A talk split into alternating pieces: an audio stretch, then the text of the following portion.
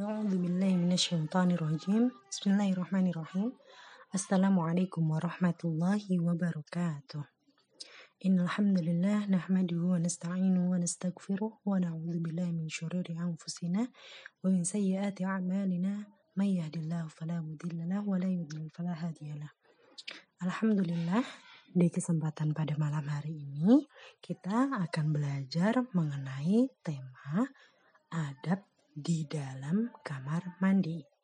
Nah, sebagaimana yang uh, adik-adik dan anak-anak semuanya tahu, bahwa di dalam kamar mandi itu ada adabnya di dalam Islam. Adab yang pertama, sebagaimana kita tahu semua, bahwa sebelum masuk kamar mandi kita harus masuk uh, sebelum masuk kamar mandi kita harus berdoa. Nah, doanya apa? Uh, jadi ketika sebelum masuk Rasulullah itu uh, mengucapkan Allahumma inni a'udzubika minal khubuthi wal khaba'ith. Jadi artinya ya Allah aku berlindung kepadamu dari setan laki-laki dan setan perempuan. Lalu adab kedua ketika kita di dalam kamar mandi ketika ingin masuk kamar mandi itu mendahulukan kaki kiri. Nah, Rasulullah Shallallahu Alaihi Wasallam sangat suka mendahulukan yang sebelah kanan terlebih dahulu. Namun, ketika akan masuk ke dalam kamar mandi, yang didahulukan itu kenapa kaki kaki kiri dahulu? Ya karena kamar mandi adalah tempat yang kotor. Jadi ketika masuk dalam ke keadaan kotor atau tempatnya kotor, jadi didahulukan dengan kaki kiri. Sedangkan ketika kita sudah keluar dari kamar mandi, tentu kita akan membersihkan diri dengan menggunakan apa yang dilambangkan dengan kaki kanan. Jadi kita keluarnya itu pakai kaki kanan.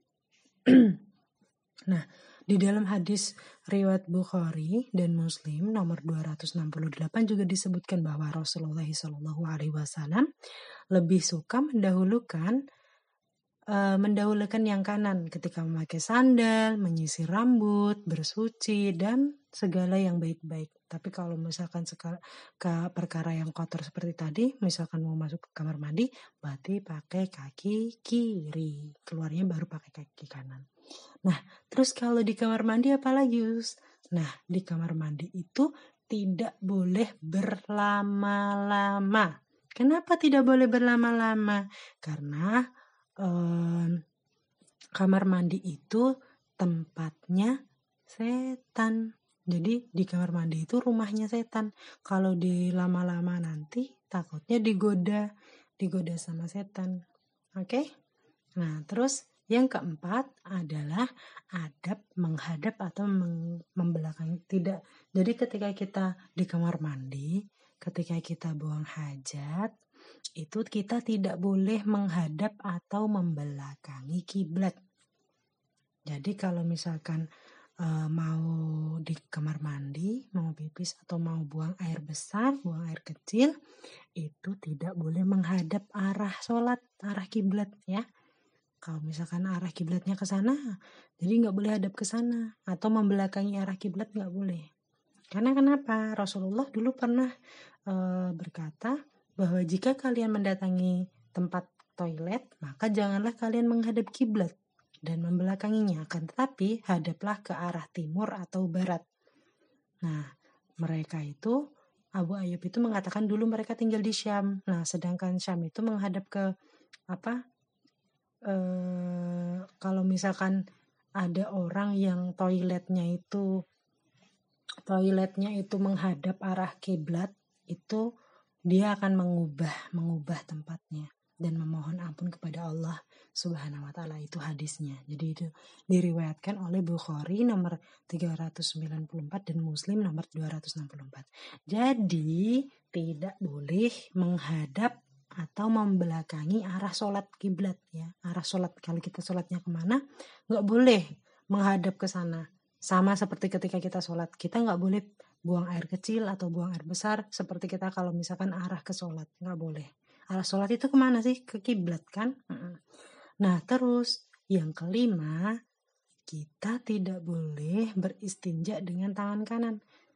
Jadi kalau misalkan mau membersihkan, misalkan bu habis buang air kecil atau buang air besar harus menggunakan tangan kiri, tidak boleh menggunakan tangan kanan.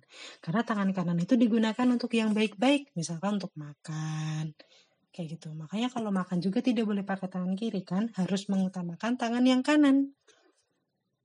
Terus setelah itu kalau sudah di dalam kamar mandi, tidak boleh bernyanyi-nyanyi, tidak boleh membaca Al-Quran, tidak boleh menyebut nama Allah, tidak boleh melafazkan Al-Quran atau berzikir uh, berzikir seperti kalau kita sedang sholat tidak boleh di dalam kamar mandi. Jadi di kamar mandi itu harus diam. Adab di dalam kamar mandi itu harus diam. Kalau nyanyi-nyanyi Ustazah nggak boleh nyanyi-nyanyi di dalam kamar mandi.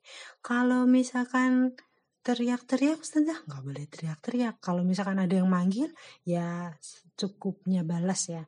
Misalkan ada yang manggil Nak, uh, Ananda ini di mana? Lagi di kamar mandi, Umi. Tunggu. Nah, seperti itu saja, uh, secukupnya. Oke, okay? jadi tidak boleh uh, berkata terlalu banyak, berucap terlalu banyak, atau misalkan nyanyi-nyanyi di kamar mandi tidak boleh. Jadi harus diam.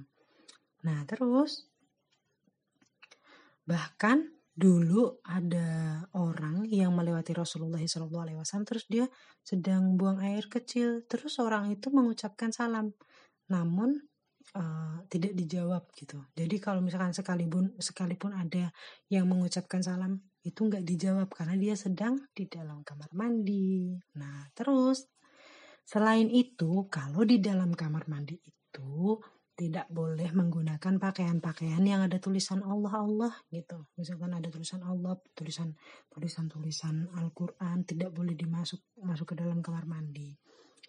Nah, terus setelah itu nah, ketika sudah misalkan tidak udah lama-lama, tidak boleh lama-lama tidak boleh berteriak-teriak, tidak boleh bernyanyi. Jadi harus diam. Ketika sudah semua, saatnya keluar dari kamar mandi. Nah, ketika kita sedang ingin keluar atau sudah selesai urusannya di dalam kamar mandi, sudah mandi, sudah buang air kecil, sudah buang air besar, kita keluar. Nah, keluarnya itu menggunakan kaki kanan dan berdoa gufronaka. Jadi doanya gufronaka. Mudah kan? Gufronaka. Seperti itu. Nah, itulah beberapa adab ke dalam kamar mandi. Jadi di dalam kamar mandinya ya, di dalam kamar mandi yang perlu kita ketahui dan kita amalkan. Nah, semoga dengan adanya uh, beberapa materi ini nanti bisa diterapkan dalam hidup kita sehari-hari. Baik.